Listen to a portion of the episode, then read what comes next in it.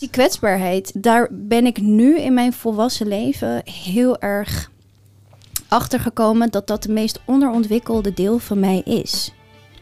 En dus is het, is het nog, denk ik, op het niveau van een negenjarige.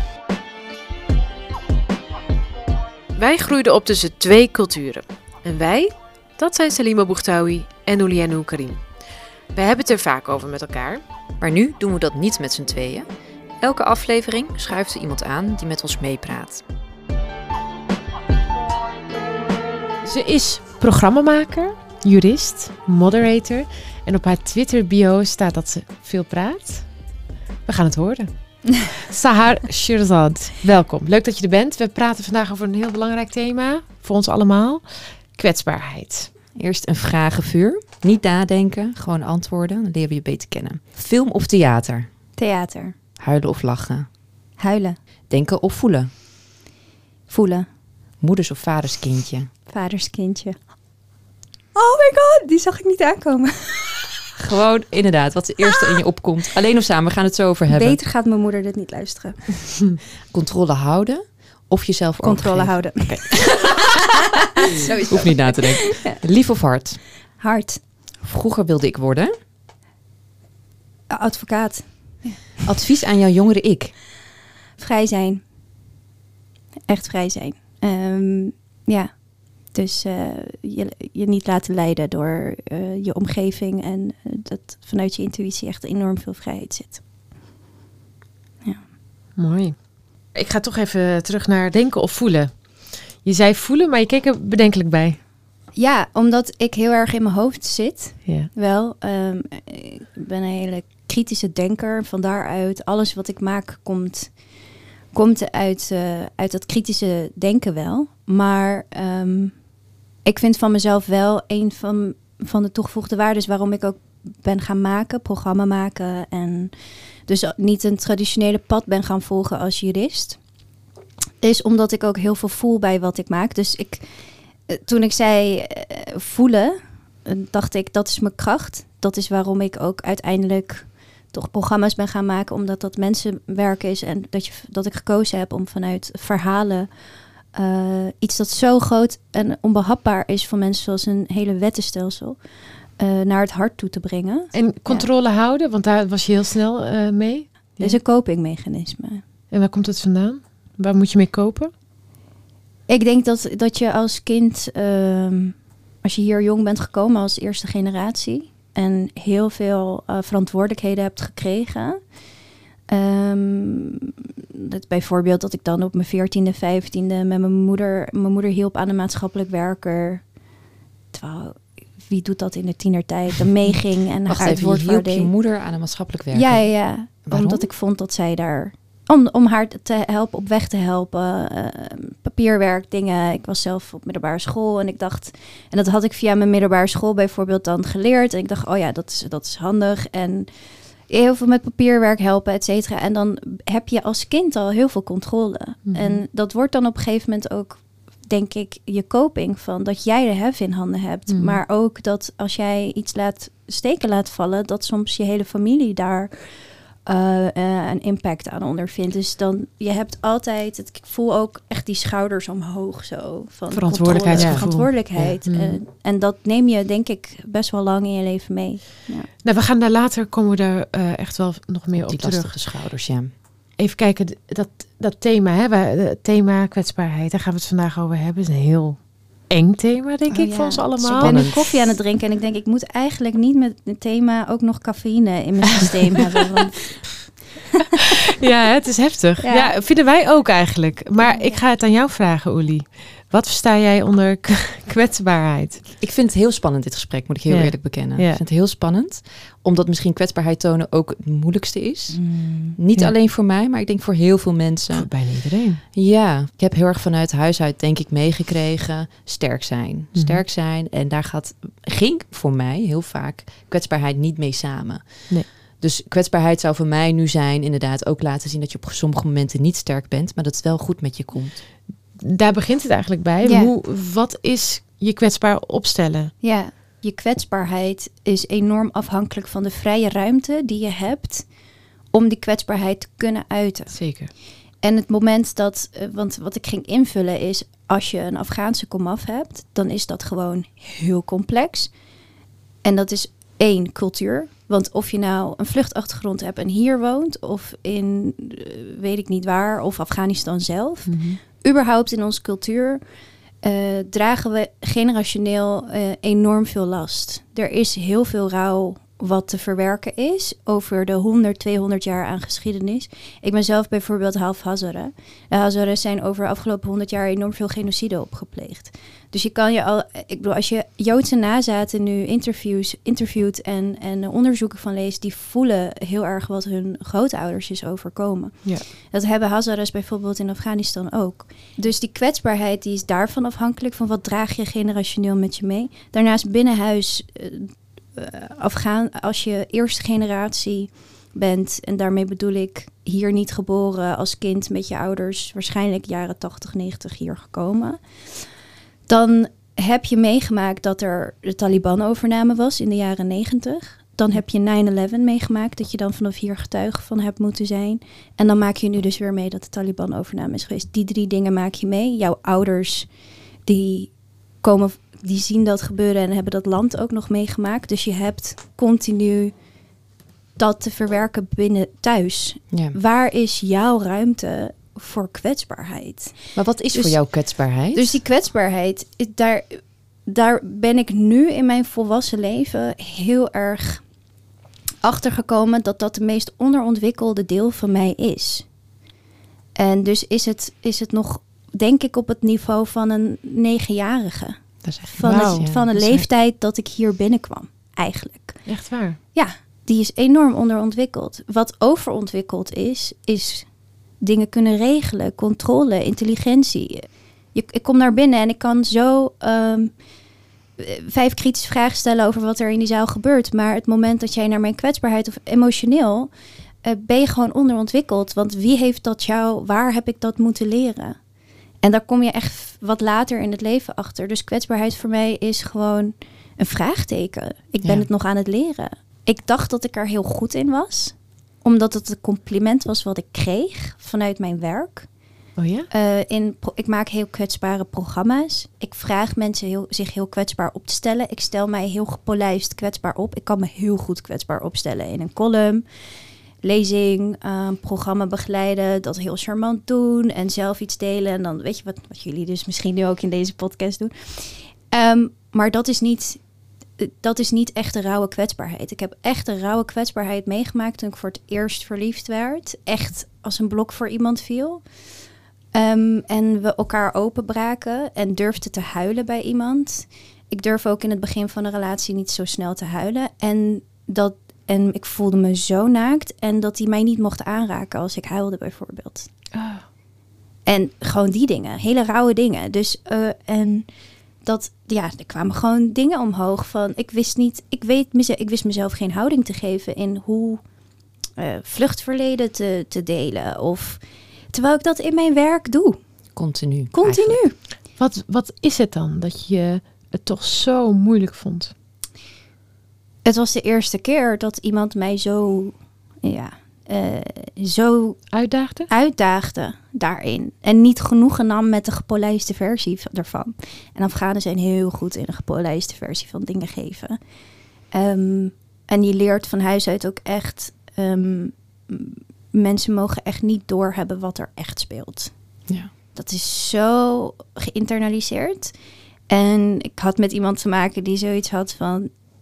Ja, leuk, maar eh, dit is niet... En ook echt schizofreen bijna. Hè? Want dan was ik op het podium heel goed en sterk. En thuis was ik dan kapot en moe. En dan zei hij, ik zie, ik zie wat voor effecten thuis op je heeft. Waarom laat je deze rauwe variant dan aan niemand anders zien? Het wordt ook heel zwaar voor degene die het dichtst bij je staat. Dat je Ja. die kwetsbaarheid zo... ehm eh, hoe noem je dat? Fragmenteert en heel erg probeert te, eh, in banen te leiden. Kwetsbaarheid hoor je niet in banen te leiden. Dat moet gewoon Het is er altijd. moet mogen bestaan. Ja. Ja. Ja. maar dat zeg je nu heel mooi. Maar de eerste keer dat je je kwetsbaar opstelde in die relatie, hoe voelde je je daarna? Ja, dan moet de relatie ook veilig zijn. Ja. Dat is natuurlijk ook weer eh, iets dat. ehm, Voelde die veilig genoeg? Nee, helaas. En dat, dat, dat ho- hoeft niet te maken hebben met schuld eh, per se. Ik denk dat we allebei dat bij elkaar deden. En het voor ons allebei de eerste keer was dat, we zo, dat het zo diep ging. En we hadden allebei behoefte aan ruimte. We hadden allebei een opvoeding meegemaakt dat er geen ruimte was voor onze kwetsbaarheid. Dus raakten we in een gevecht dat we dat heel erg bij elkaar gingen afdwingen. Ehm, en dan ging ik er anders mee om. Bij mij was het vooral niet je emotie uiten. Wees sterk, hallo, stel je niet zo aan. Bij diegene was het heel erg... ehm, eh, laat mij mijn emotie uiten. Gewoon best wel gewoon de ruimte innemen. En ik dacht, wow, dit, is, dit ken ik niet. En dus dat raakte echt heel erg eh, ingewikkeld. En was het niet veilig, omdat we op onze eigen manier plek gingen claimen. En in de liefde moet je niet... Dan is het dan niet meer bij voorbaat veilig als je, moet, als je plek moet claimen. Maar wat betekent het om je kwetsbaar op te stellen? Wat betekent het? voor mij is, als ik het heel simpel, als ik het visueel nu voor me zie, Mhm. is dat ik mag huilen en dat iemand mij mag troosten. Dat is eh, voor nu even het eerste wat in me opkomt. Ja, en voor jou? Ja, ik ben even, ik, het raakt me even wat je zegt. Want ik denk, oh ja, zou ik dat toelaten nu? Dat, dat ik huil en dat bijvoorbeeld mijn partner me zou troosten. Ik heb dat nog nooit, nog niet eerder gedaan. Zo heftig. Ja. Ik bedoel, hoe oud zijn we? Ja, En dat we dat. hoe lang? Hoe lang gaat dit door? Hoe Vraag lang- ik me ook ja. heel vaak af. En waarom? Want hij is wel een ontzettend veilige haven voor mij. En het is ontzettend moeilijk voor mij om uit te leggen bij hem waarom dat niet kan. Omdat ik het ook Mm. mezelf nu pas eh, realiseer dat ik dat echt niet toelaat. Mhm. Nou ja, nee, dat is niet waar. Ik heb een paar afgelopen... Nou goed, rond mijn PMS heb ik echt huilbuien. Maar dat, die ga ik lekker Gaan af voordat hij andere thuis dingen. is. Ja, ja, ja. Dus ik heb absoluut alles altijd gepland. Dat, dat Je hebt je mensen... huilmomentje gepland. Ik plan huilmomenten zodat mensen mij die ik ken niet zien huilen. Dit zo Wauw. ver gaat Ik het. lach, maar ik wil huilen eigenlijk. Ja. Heb jij dat ook, Ja, dat wow. huilmomentje eh, voor jezelf? Ik heb dat nu met eh, mijn eh, rouw om Afghanistan gedaan. En ik heb nu een huisgenoot, een hele lieve huisgenoot die ook Afghaans is. eh, mijn beste vriend. En we wonen nu ongeveer eh, 2,5 maand of drie maanden samen ondertussen. En ik ging van de week huilen. Het is ook een week voor mijn ongesteldheid. Dus dan ben ik sowieso brozer. En ik zei, ik heb mijn vader gebeld en ik heb het gehad over dat ik de hele tijd bezig ben met strijden voor vluchtelingen. Er was een campagne van jonge alleenstaande eh, mannen op de vlucht. Die dus het meest gediscrimineerd worden aan de grenzen. Nou ja, eh, het raakte me enorm. Ik, zit, ik, sta er heel dichtbij. En ik belde mijn vader en ik zei, ik weet niet hoe lang ik... Toen zei ja, maar ga ook uit dit onderwerp even. En ik zei, maar hoe doe jij dat? Hoe, hoe kan jij Afghanistan zo lang... eh, weet je, mijn vader is in de eind 50... Nee, sorry, in de 60 al. En ehm, eh, die heeft zijn hele leven geen vrede gekend. En dus... eh, ja, dan bel ik regelmatig nu sinds, eh, sinds een tijdje met hem. Omdat ik denk, nou ja, ik moet met iemand die, die dit al langer dan ik ook beleefd heeft over praten. Was ik aan het huilen wel eh, op de bank en dan mocht mijn huisgenoot me niet aanraken. Dus die wilde knuffelen, ik zei, doe maar niet. En toen zei hij, maar dit doe jij nu ondertussen wel eens in de, eens in de twee, drie weken. Hè? Dit, echt precies dit. En dan ga je je vader bellen. En dan, en ik, wow, ik heb nu dus een huisgenoot die mij observeert. En ik tel dat niet, ik hou het niet bij. Maar dus altijd rondom de periode dat mijn hormonen dus ook extra... ehm, en het hoeft ook niet slecht te zijn hè, als je hormonaal beïnvloed wordt in je cyclus. Dat maakt... dat- er is een boek daarover. Ehm, eh, het zijn niet fictieve emoties. Die zijn er al. Maar wat je hormonen doen, die openen dat, die helpen het eigenlijk om, het, om die rauwheid naar, naar de oppervlakte te brengen. Absoluut. Dus er is een patroon blijkbaar. Dus met Afghanistan laat ik mezelf wel toe om eh, minimaal eens in de week of twee weken daar echt over te huilen. Ja. Ja. Met mijn vader erover te praten. Dus daarin is iets van een patroon, een regulering. En, en ik, Iets ook voor jou echt dat rouwarbeid. Ja. D- Ja, dit, dit werkt wel. Maar ik wil toch even naar dat niet knuffelen. Hè? Want je hebt dat in je romantische relatie, eh, zeg je, mocht iemand je niet knuffelen als je, als je kwetsbaar was. Ja, je mag me eindeloos knuffelen. Ik ben echt een, een, eh, een, een fysiek persoon. Ik knuffel de hele dag door. Eet je gezicht op als ik verliefd op je ben. De hele tijd hang ik om je nek. Dus het is echt niet dat ik... Fysieke aanraking voor mij is juist heel erg... Ik ben ik echt wel mee opgevoed. Mijn moeder is echt heel erg... eh, dus ik heb dat denk ik overgenomen. Die zoent mij ook op de... Mijn moeder zoent mij op de mond. Dat vond ik altijd heel gênant eh, op het schoolplein. Maar goed, ik vind dat nu wel aandoenlijk. Maar dus dat is- zit er echt wel in. Maar zodra het te maken heeft met troosten... Ik denk dat het... Ik, ik heb laatst nagedacht, wat, waar ben ik bang voor? Ja. En dat is echt bang zijn van... Wow, die put is zo diep. Als jij mij nu gaat troosten, weet ik niet wanneer ik ophoud met huilen. Is dat het? Ik weet niet of ik daar de tijd voor heb. Ik weet niet wat daar zit. Wat voor demonen er allemaal omhoog gaan komen. I don't Ja? know. Ja, Want je Heb daalt niet het- vaak af naar die put. Om, want je weet Ja. niet wat daar zit dus. nou, ik, ik praat daar met iemand over nu. Ja. In Ja? therapie. Oh, wat goed. Ja. Dat moet. Dat Want je moet ik- afdalen voor jezelf. Ja, in die dat put. moet. Dat, dat is niet... eh, als je op hoog niveau ook praat over hele kwetsbare onderwerpen... dan is het zo eh, hypocriet als je dat niet doet. Ja. Vind ik. Wanneer werd je daar voor het eerst op gewezen? Of wees je jezelf erop? Van, Nee, dat gebeurde dus in die desbetreffende relatie. Die dus, die dus eh, tegen mij zei van... eh, ja, heel leuk dat je dat bij een demonstratie deed. Ja. Maar je bent zelf nu aan het kapot gaan van binnen. Mag je van jezelf... Want ik zei echt op het podium... De, de mensen die vluchten worden ontmenselijkt. En waarom mogen, waarom mogen de Sahars die nu binnenkomen... niet dezelfde kansen als die ik in de jaren negentig heb gehad? Want die, die kunnen ook op zo'n podium staan en dit doen. Maar daarmee besefte ik, als wij dat mensen met een vluchtachtergrond dat iedere keer moeten doen, op een podium staan en zeggen: Kijk hoe goed gelukt ik ben. Daarmee eh, kwam ik in een gesprek dus met mijn ex-geliefde achter. Ontmenselijken onszelf. Ja. Omdat je dan de hele tijd moet tonen dat je een, een goed product bent. Iemand die, als die kansen krijgt, het goed doet. Maar al doe je het niet goed. Ja. Een mens Ja. zijn betekent kwetsbaar zijn. En kwetsbaar zijn betekent dat je ook mag vallen. En maar dan heb je nog steeds recht op je mensenrechten. En ik was zo'n gepolijste versie van mezelf aan het laten zien, omdat je daarmee opkomt. Daar, daarmee kom je niet op voor iemands Ja. rechten. Dat is niet de manier. Werkt het opluchtend? Sorry. Ja. Werkt het opluchtend om je kwetsbaar op... Ja, kijk eigenlijk nu jullie allebei. Nou, ik herken natuurlijk heel veel. Want ik, in mijn werk heb ik natuurlijk ook heel veel met mensen te doen. En Mhm. over mensen die natuurlijk hun stem niet kunnen laten horen. In de journalistiek bedoel je? In de journalistiek. Ja. Ik eh, letterlijk toen ik afstudeerde vroeg iemand wat wil je gaan doen met je journalistiek carrière. Mensen een stem geven die geen stem hebben. Mhm. En dat ging ik ook doen. Alleen mijn eigen stem hoorde ik niet. Mm. Ik wilde mijn eigen stem eigenlijk dat niet iemand die hoorde. Want er zat zoveel gal. Ja, veel verdriet. Veel verdriet. Omdat als je er niet over kunt praten, dan wordt het groter, wordt het zwarter en dan kropt het op. Dat was onze gezinsdynamiek. Laat je verdriet niet zien, want de ander heeft eh, te veel verdriet. En als je dat bij de ander wel laat zien, dan, dan wordt er niet goed op gereageerd. Dus ik heb daar heel lang over na moeten denken van waarom, dit was onlangs hoor nog, waarom Mm. durf ik gewoon niet dat mijn vriend een, een knuffel geeft als ik moet huilen bijvoorbeeld. Of dat Mm. hij überhaupt ziet dat ik huil. Maar ik denk dat, dat ik het meest bang ben voor dat iemand gaat zeggen, echt? Huil je hierom? Wauw, ja, ook. Ja, oh my god. Ik heb dat laatst gehad Ja? met mijn zus. Echt? Ja. Wat dan? Die zei dat. Ja, ja of nou, oh wat zielig zeg. Eh, ik heb het, eh, ik heb er wel eh, ehm, zwaardere vuren doorgemaakt of zo. Dus dat is, dat is. Kun je de scène schetsen? Ja, kijk, mijn zus en ik, mijn zus was 14 toen zij hier kwam, 14, 15, echt midden in de puberteit. En ik was een kind. Ik, was, ik mocht groep 3 meteen bij de Nederlandse kinderen binnenstromen.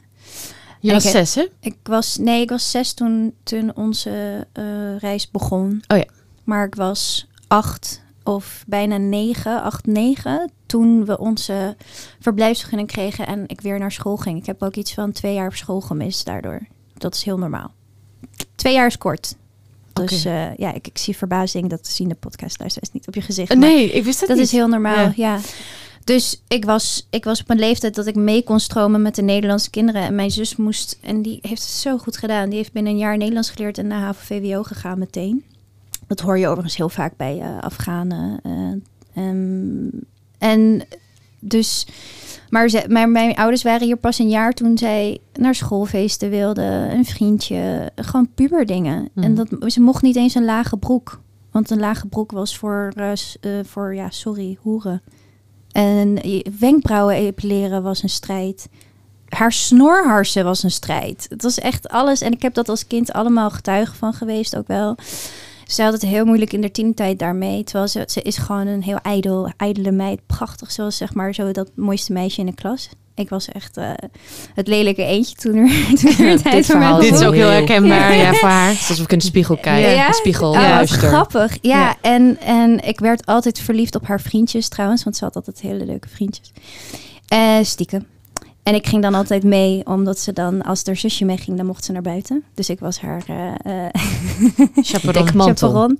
Dus ik heb een, een eh, pff, ik krijg het er warm van.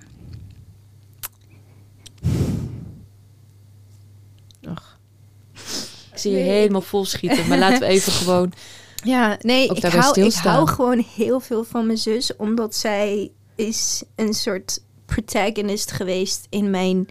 Ze was een film in mijn leven. Als Mhm. een klein zusje ben je natuurlijk getuige van je grote zus en haar leven. En je wilt altijd je zus zijn. Zeker bij mijn zus. Dan was zij, zeg maar, weet je, het populaire meisje en knap. En van haar heb ik geleerd hoe je make-up moet gebruiken. Daar kon ik helemaal niet mee omgaan. Ik was de wat eh, molligere, stoerdere versie.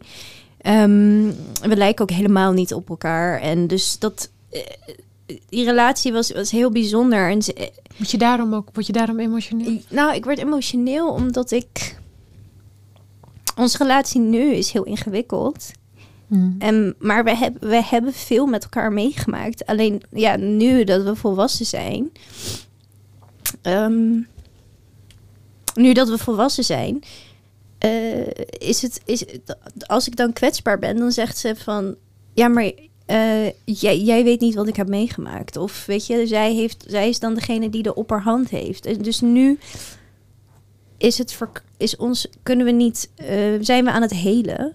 Ehm, Ja. En moeten we leren hoe te integreren in elkaars leven, omdat ik.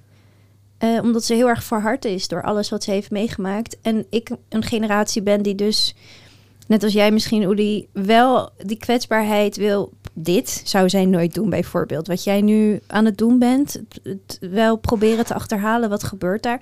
Als ik die gesprekken met haar aanga, dan, dan gaat dat er niet in. Dus de laatste keer dat ik bij haar huilde, omdat er iets met onze broertje was, of haar broertje, mijn broer, ik ben de jongste.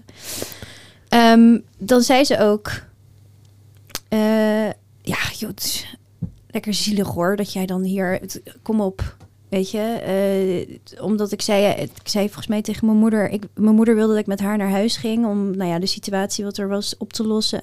En ik zei, sorry, ik ga niet naar dat huis. Ik heb daar gewoon even te veel meegemaakt. Het is te veel hooi op mijn vork vandaag. Ik heb al genoeg, eh, door genoeg emoties heen gegaan, ook met werk en zo. En ik wil niet, in mijn moeders huis, die, dat haalt heel veel dingen voor mij omhoog. Dus ook al ben ik niet kwetsbaar, ik ben heel goed in mijn grenzen nu het aan te Aangeven. geven over wat emotioneel voor mij is. En dus dat mijn zus zei, gaat niet naar je eigen moeders huis, waar slaat dat nou op? En ik schoot vol en ik moest huilen. Ik zo, ja, maar het is gewoon, het is even te veel voor mij. Ik kan, nou ja, zielig hoor, zei ze. Jeetje, je gaat toch niet, je gaat ga gewoon naar je moeders. eh, ik zei, ja, maar jij weet niet wat ik daar... Zij ging eerder het huis uit. Ik heb daar gewoon het een en ander meegemaakt. En, zei- dat, en dat is het moment dat ze zei, nou ja, het is echt zielig hoor. We hebben, we hebben wel eh hetere vuren meegemaakt dan. Dus, en dat is dan de dynamiek nu. Terwijl ik, moet, ik schoot vol, omdat ik dacht aan de wat onschuldigere tijden. En ja, dat daar blijkbaar ook heel veel gebroken is. Dat het zover komt dat dit nu onze huidige dynamiek is. Ik herken dit heel erg. En wat Ja. je vertelt, hebben wij ook misschien in kleine, kleinere mate meegemaakt. Mijn zus heeft heel erg de deuren voor mij geopend. En zij heeft absoluut veel shit over haar heen gehad. Mhm. Absoluut meer eh, dan ik. Maar ik heb ook mijn eigen verhaal. Namelijk inderdaad, toen ze het huis uitging, was ik heel verdrietig. Mijn ouders hadden heel veel verdriet van.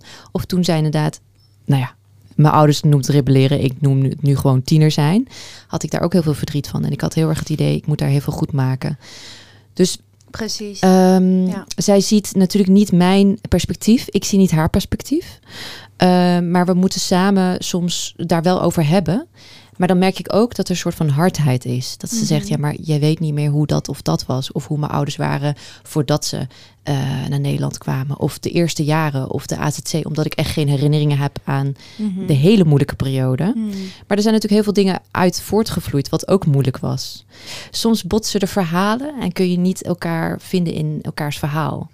En ik denk dat heel veel mensen dit zullen herkennen. Maar als je ouders je hebben opgevoed in hard zijn is goed zijn, dan neem je dat zo over als kind. En ik merk dat we dat als broer, zus zussen dat ook nu overnemen. Ja, het is heel erg Van, kom eh, op. geïnternaliseerd eh, opvoedings...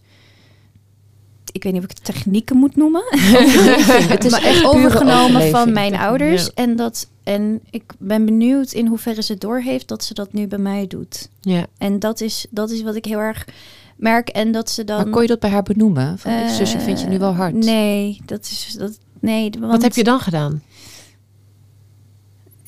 om, ik heb nu geleerd, eh, ik denk om me- toch mezelf te beschermen, denk ik. De afgelopen jaren heb ik geleerd, ehm, nu ik wat ouder aan het worden ben, toen ik wat in mijn twenties, dacht ik heel erg, ik ga er tegenin. En ik heb eh, ook wel gehad van, ik moet voor mezelf opkomen. Je kan niet over me heen lopen. En zo werkt het niet als het toch bij de ander niet ingaat. Dus eh, zij heeft haar reis en zij moet er, eh, zij moet er ontvankelijk, ontvankelijkheid is ontzettend belangrijk Mhm. bij samen willen groeien in een relatie. Of En nou kwetsbaar zijn? liefde is of je zus of wie dan ook. Ja. Als zij geen ontvankelijkheid heeft voor wat ik te bieden heb om samen verder te groeien, dan is er geen beginnen aan. Dus ik ga die discussie ook niet met haar aan. Mhm. Ehm, En bedoel je en met ontvankelijkheid open zijn? ja, ontvankelijk voor samen open zijn om samen te, te, te groeien en openstaan voor eh, de- samen te leren. De- Er worden, het gaat vooruit, maar echt in babystapjes. Dus ik moet het geduld ervoor hebben. Dus ik, ik zij, is, zij kan mij niet troosten. Dus dan ga ik ook niet dat van haar afdwingen op dat moment van ja, maar dit is niet eerlijk wat je nu doet, want ik moet kunnen huilen en dat ma Want Dat- je zou elkaar willen troosten, omdat je natuurlijk als het beste weet van elkaar wat je hebt meegemaakt. Dat is natuurlijk in ieder, ieder de gezin zo. die ik ook zeg. En ik herken dit. Ik heb ook een oudste zus die ook echt wel veel meer gehard is. Veel minder bij haar gevoel kan. Mm. Eh, alleen zijn er eh, ook zussen bij mij die dat wel kunnen. Dus ik heb ook weer die ruimte. En ik heb gemerkt, ik had een, ehm, een klein dingetje met mijn oudste zus. En ik had het toevallig net gehoord van hoe moet je daarmee omgaan. Dus ik heb haar heel erg aangehoord. Ik heb haar verhaal aangehoord en heel veel begrip getoond. Wat ik Mhm. ook echt voelde hoor. Ik Ja, voelde ja. dat begrip Ja. ook heel erg. En ik merkte dat ze compleet veranderde. Mm. In plaats van zich afsloot, verder afsloot van mij, opende ze zich en had ze ook heel veel empathie voor mijn verhaal, voor mijn kant van het Mm. verhaal. En het heeft ons eigenlijk alleen maar dichter bij elkaar gebracht. Ik denk wel dat mijn zus ehm, ook, weet je, wij hebben, wij hebben wat minder de cultuur dat we eh, eh, alleen maar sterk moeten zijn. Ja, van welke cultuur is dat dan? Nou, ik kom uit een eh, Marokkaans gezin, groot gezin, gastarbeidergezin in Mhm. eerste instantie. Maar wel uit een gezin, en dat heb ik al een paar keer genoemd eh, in, de- in de eerdere afleveringen, maar ik kom wel uit een gezin met vijf meiden en, Mm. eh, en twee jongens overigens. Maar, ehm, maar die vijf meiden die konden over het algemeen beter bij hun gevoel. Dus ik heb wel echt wel, zeker met één zus, heel erg geleerd je kwetsbaar op te stellen. Al is dat niet helemaal waar, want ik, ik kan me ook heel moeilijk kwetsbaar opstellen hoor. Ik bedoel, ik hoor jullie verhalen en ik herken echt wel heel veel dingen hoor. Mhm. dat, dat kwetsbaar zijn is, is echt wel moeilijk. ja. Je kunt natuurlijk heel mooi over je werk vertellen, maar waar zag je de kwetsbaarheid in je werk terug? Dat je dacht, oké, op dit pu- punt ehm, ben ik te ver doorgeslagen, neem ik nu te veel op mijn schouders. Mm, hele goede vraag. Ik, ik weet niet waar ik uit zou moeten kiezen. Op een gegeven moment, 2021, was dat eigenlijk grotendeels als het ging om eh, mijn activisme. En eh, ik stopte met werken op een gegeven moment. En ik was op een leeftijd dat ik heel graag nog Afghanistan wilde zien. Ik durfde dat niet op jongere leeftijd. Dus ik, ik wilde heel graag er nog heen, nu het nog kon. En toen dacht ik in 2021, oké, nu ga ik. En toen was het te laat. En dus ehm, toen sloeg ik door in mijn heel rauw proce- proces. Ik ging een week de deur niet uit. Ik was alleen maar het nieuws aan het kijken hoe vanaf 15 augustus was dat, hoe de Taliban stad voor stad alles aan het overnemen was. En toen sloeg zich dat om in, ik ga nu iets doen. Mhm.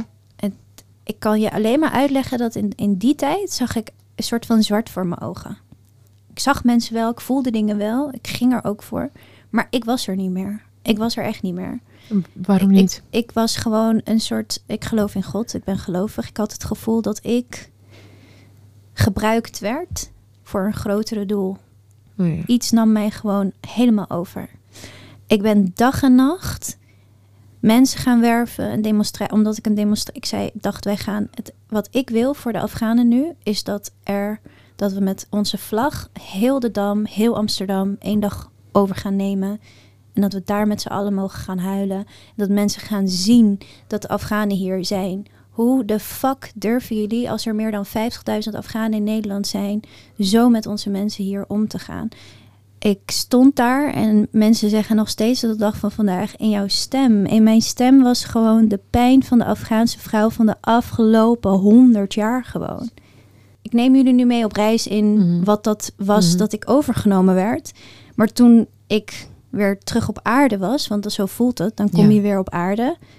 Ik was helemaal uitgeleefd. Ik was kapot. En ik wist niet, omdat je dus het niveau van een zeven of negenjarige hebt. Wat moet ik nu met al deze emoties? Ja, soort van, Wat ik- heb je gedaan? wat heb ik gedaan? Ja, maar wat heb je gedaan? Ik ging op reis. Ik ging op een gegeven moment, dus ik ben uiteindelijk toch weggegaan. En ik ben En waarom een- was dat nodig? ik moest sowieso uit de aardstraal van hier zijn. Eh, überhaupt van alles wat hier mij definieert als de activist, de dochter, het zusje, eh, het geliefde die, die maar niet wil en soort van in die strijd zitten. Eh, alles wat ik toen was, ik wilde dat allemaal niet meer zijn. Ik wilde naar een stad waar ik een van de miljoenen wandelende mensen was, die niemand weet dat ik Sahar heet en dat gewoon een tijdje doen.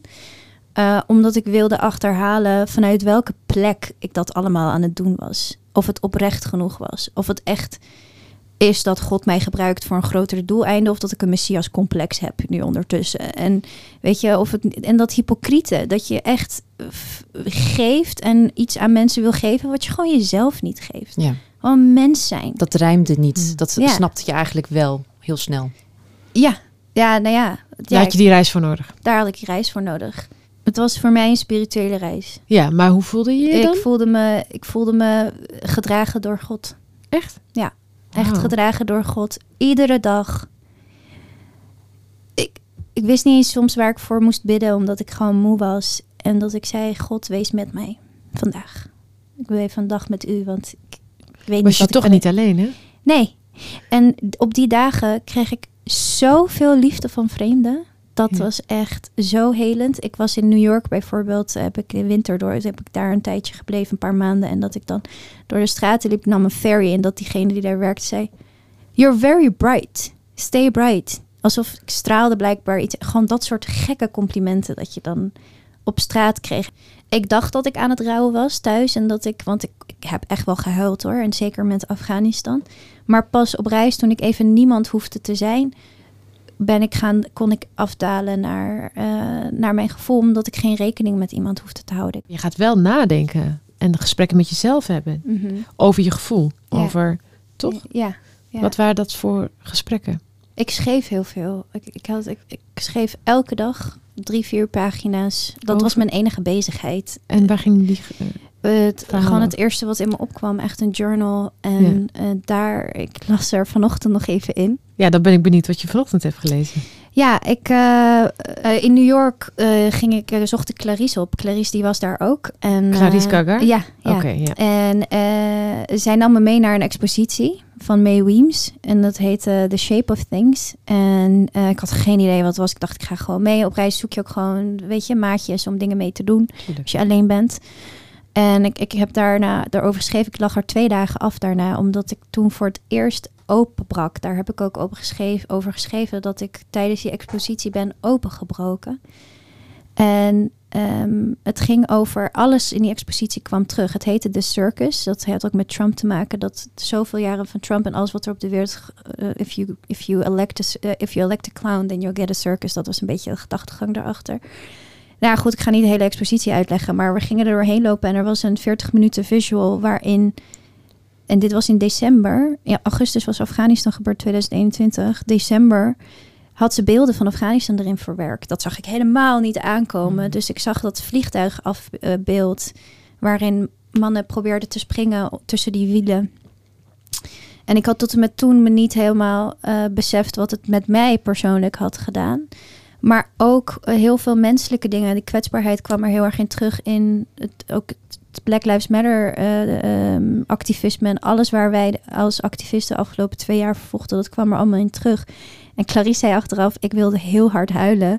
Maar ik durfde niet en ik hoorde achter dit doen, jou dit doen. Want ik begon toen te huilen. In het bijzijn van iemand die ik amper ken. Dus dat was voor mij echt heel nieuw. En ik, eh, ik, ik brak open en ik ging in mijn telefoon opschrijven. Ik dacht, dit wil ik onthouden, deze vraag. I need to learn how to be touched. Hm. Dat is de vraag. Ik dacht, dit is wat ik moet leren. Ik moet leren hoe ik aangeraakt kan worden. In, in het breedste zin van het woord. Ik weet dat niet. Ik besefte dat ik dat niet wist. En ik besefte dat een expositie dat met mij deed. Maar dat mensen dat niet bij mij kunnen. Mij fysiek aanraken, mij openbreken op deze manier. Dus ja, dat is wat ik vanochtend had gelezen, wat, wat dat met mij had gedaan. Dat is heel bijzonder, want je kan wel geraakt worden, tenminste als het, als het bij zijn vrede is. Dus je, kan, Mhm. je, je knuffelt, dat zei je net zelf, ontzettend. En je hebt dat ook van huis uit meegekregen. Ja. Maar echt alleen op die momenten, en die belangrijke momenten, dat het om verdriet gaat, lukt het niet. Nee, en dat zijn momenten waar je relatie groeit. Dat klopt. Ja, jij wilde iets zeggen, Oeli. Ja, ik herken het heel erg wat je nu zegt. Dus het raakt me ook heel erg. Alleen vroeg ik me af of jij iets hebt wat ik ook heb. Op momenten dat ik niet geraakt kan worden, dan kan ik het meest door mijn ouders geraakt worden. Dus vanuit huis uit heb ik eigenlijk geleerd. Vroeger, hè, omdat dat nodig was, maar dat hoeft nu niet meer. We mo- mogen niet laten zien dat we soms ook verdrietig zijn of iets niet kunnen eh, aan de ander, want de ander kan het niet dragen. Maar nu is het heel erg dat zij mij leren van. ehm, ja, zorg je goed voor jezelf. En dat is bij onze ouders misschien, bij onze alle drie ouders, wat meer praktisch en wat minder emotioneel. Het verschilt van, va- van met de vader en moeder merk ik ook wel. Ze hebben, Ook. Ik noem dat altijd een soort liefdestaal van de ouders. Mijn moeders liefdestaal is heel erg wat ik herken wat je zegt. Is heb je gegeten? Heb je goed geslapen? Waar ben je nu? Zorg je goed voor jezelf? Hoe gaat het werk? Hoe gaat... Nou, dat is mijn Dat vader. is vader, ja. Oké. Mijn vader is... eh, ga je nog voor een nieuwe studie inschrijven? Want daar had je het een jaar geleden over. Dat doet hoe gaat het met werk? Zeg maar, je bent met Ja. één ding bezig en die die is al drie stappen nog verder dan ik. Dat ik denk, weet je, ik, en ik word daar, durf daar nu ook vaker boos om te worden. Dat ik zei, pap, ik, je bent mijn vader. Ik wil het gewoon even. je- Wauw, ja, wat een stap. ja, ja, ja. Ik word. Dat is een ding, hè? Dat moet even bij stilstaan. Dus dat even dat je boos even, mag worden. ja, dat je even op zijn eh, zegt van het is, dit is, jouw, dit is jouw plek, het is mijn plek. Ja. Ik red mezelf. Ja, precies. En dan neemt hij ook die stap terug. Zegt, ja, nee, nee, Ja. Ik, ik bedoel het alleen maar goed, zegt hij dan. En dan eh, eh, voor jezelf. Ik zeg het voor jezelf. Ik zeg, je kan heel veel dingen voor mijzelf zeggen. Maar dit is wat ik jou, van jou als vader nodig heb. Ik heb het niet van mijn vader nodig die, om een reminder aan mij te geven voor wat ik me moet inschrijven en wat voor werk ik doe.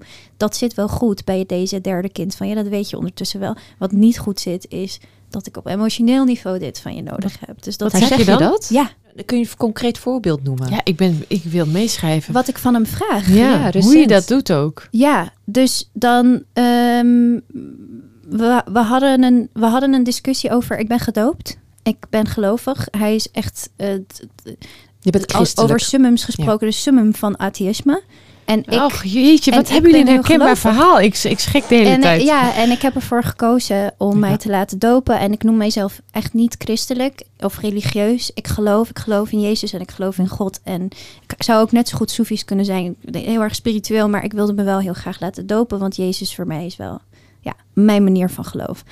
Ehm, heel moeilijk voor hem. En ik draag een kruis. Jullie zien dat, dat zien Ja, de luisteraars niet. Een, een gouden kruis om mijn nek. En eh, eh, hij kwam laatst mijn huis binnen en ik woonde er pas. En het was de tweede of derde keer dat hij er was. Afghaanse vaders die geven zelden complimenten van... eh, nou goed, mijn Afghaan, hij is... eh, dat ik vroeg de eerste keer ook... En wat vind je van het huis? Ik was heel trots dat ik een huis heb gevonden in Amsterdam. Want in Amsterdam, come on, dat is al een pre- prestatie. Zeker. En dat hij zei, ja, nou ja, wat zou ik zeggen? Ja, prima toch? Weet je, dat, wat, ja, ik woon iets verder van mijn familie vandaan. Dat moeten ze dan verwerken. Dus dat zat er dan niet in. En de tweede keer dat hij binnenkwam was het, ging hij een beetje grinniken en zei hij, "Ach, ik had mijn overhemd open en hij zag mijn kruis van, draag je dat nou nog steeds om je nek? Als in, is deze fase niet voorbij? Och, Een soort van, dit zal wel een fase moeten Ja. zijn als ik een puber ben die probeer, even En probeert. stiekem hoopte hij dat. Een beetje uitdagen. ja. En ik schoot er echt van vol. Ik weet niet waarom, maar ik werd er heel emotioneel van. En, eh, en ik zei, dit kan je niet doen. Ik ben 31 jaar. Je stapt voor de tweede keer mijn huis binnen. Ik, ik wil dat mijn vader in mijn huis respect heeft als 31-jarige vrouw... voor het feit dat ik voor een geloof heb gekozen. En dat het mij heel veel heeft geholpen en geheeld op een manier dat ik bij mijn ouders vaak niet heb kunnen halen. Dus weet je, weet wat je hier, wat zeg je hiermee? En ik, en ik blijf doorvragen. Ik zeg, wat zeg je daar eigenlijk mee? Hij zegt, nee ja, ik bedoel het niet zo, maar het is toch conservatief. En ik ben gewoon bang dat je, weet je, dat je nieuwsgierigheid eraf gaat. Een heel gesprek over geloof. En dat ik door blijf vragen. Ik zeg, ja, maar weet je wat je hiermee zegt? En uiteindelijk kwamen we uit in het gesprek dat hij zei: Ja, maar geloof voor mij is ook wat de Taliban daar doet. Hè? Dat is wat het, wat, het, wat het geloof kan doen. En geloof is heel dogmatisch. Dat is ik interessant, want ik vind jou heel dogmatisch over geloof.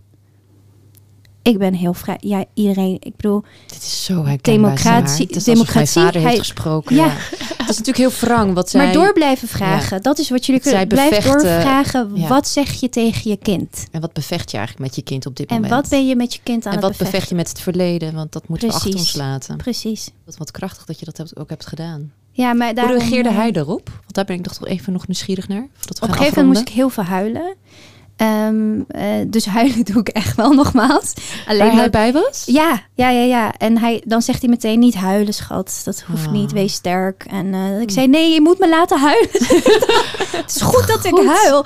En dat hij zegt, kom maar. En dan wil hij aanraken, maar dat wil ik dan weer niet. Dus het is nog Dus niet geknuffeld. niet Kan je, geknuffeld, kan je het herleiden dan? Sorry hoor, dat knuffelen. Wa- waarom je niet geknuffeld wil worden?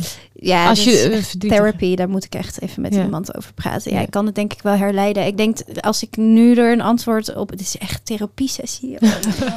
Denk- dat, is, dat is omdat, ik, eh, denk ik... Ik heb geen associatie met dat, er, dat het goed is afgelopen... wanneer ik gera- aangeraakt ben, wanneer ik heb gehuild als kind. Denk ik. Er, is geen, er moet een gezonde associatie zijn met aangeraakt worden...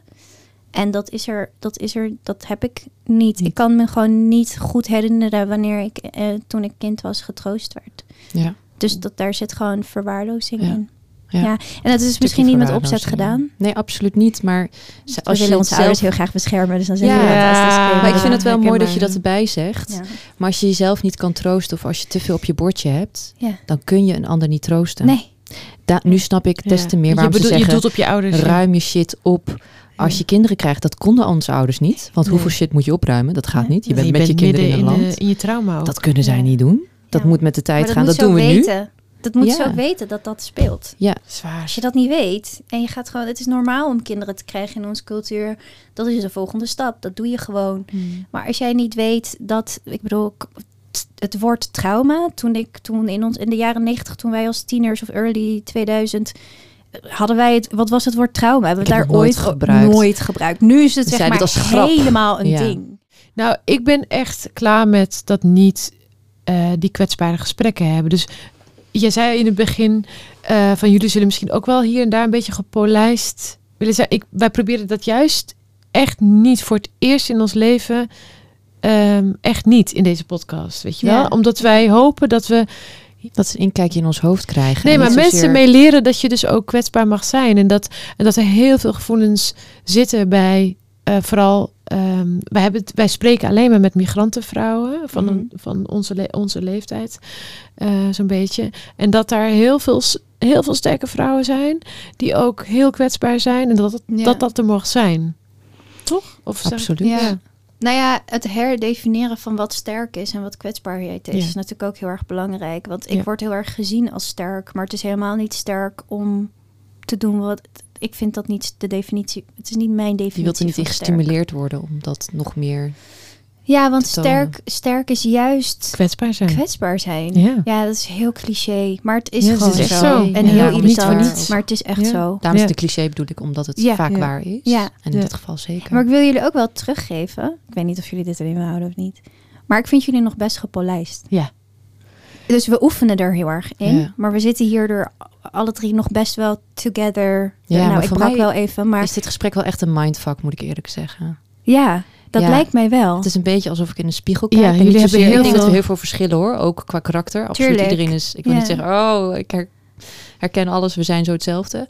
Maar het is voor het eerst dat ik een oprecht gesprek heb over gevoelens. Mm. En dat ik alles herken wat jij zegt. Ja. Het is wel freaky hoor, hoeveel herkenbaarheid ik ook zie tussen jullie. En ook omdat we het jongst van een gezin. Ja. Mm. Ehm, nou ja, reislustig. Je bent natuurlijk heel erg in je hoofd. Maar eigenlijk heel erg een gevoelsmens stiekem. ja. dat hoor ik alles in wat je zegt. Dan denk Ja. ik, oh mijn god. Ja, Ja. ik herken heel veel. En wat je ook vertelt over je ouders, dat je natuurlijk gewoon daar zo liefdevol naar wil kijken, maar tegelijkertijd ook wil vertellen van wat je nodig hebt. Dat dat zo ontzettend moeilijk kan zijn. En precies in dat proces zitten wij nu. Ja, en je benaderde mij van ik wil een spiegel. En ik dacht, wow, dat je dat durft. Dat je die eerste moment van spiegel live soort van opgenomen Ja. gaat hebben. Want het is heel intens. Maar wat zou jij nu aan die luisteraars mee willen? Wat voor meerwaarde heeft dat nu voor jou? Nou ja, je, je, je geeft het eigenlijk mij net zelf terug. Dat ik eigenlijk, ik ben heel erg, erg naar jou aan het luisteren. Dat ik denk, oh ja, waar, heb, waar heeft zij de inzichten die ik nog niet heb? Dat, dat is natuurlijk als je verhalen deelt. Dan snap je ten eerste ook, ben ik gek? Ik heb die dingen gezien en dat was echt gebeurd. Dat is echt zwaar geweest. Of dat is ook echt raar geweest. Maar tegelijkertijd denk je ook... Ja, ik ben, het is ook gewoon heel cliché, maar ik ben gewoon niet de enige. Had ik dat maar toen geweten. Had Mhm. mijn tienjarige ik maar dat geweten dat ik zo'n raar kind ben. En dat er zo, zoveel rare kinderen met mij zijn. En dat de situatie, je doet hele normale dingen in een abnormale situatie. Mm. Namelijk je ouders troosten of voor je ouders vertalen. Ja. Of ehm, huilen achter de deur en elkaar niks laten zien qua, Ja. qua zwakheid, Ja. denk je dan. Maar dat is gewoon kwetsbaarheid. Ja. Eh, dat het allemaal oké is. Dat is spiegelen. Dat doet natuurlijk spiegelen met je. Dat je heel snel leert van de ander. Dat ik denk, wauw, dat jij daar zo mee omging. Dat je, dat je tegen je vader zegt, eh, ja, dit is het. Hm. Eh, ik hou van je, maar hou dan ook terug van mij. Ja, ja. Nee, heel mooi.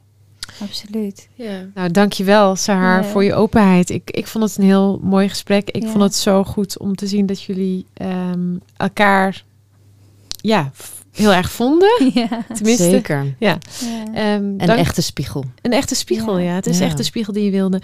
Dankjewel. Dank jullie beiden. En ehm, tot de volgende. Yes. Tot de Thank volgende. you. Dankjewel, Saar.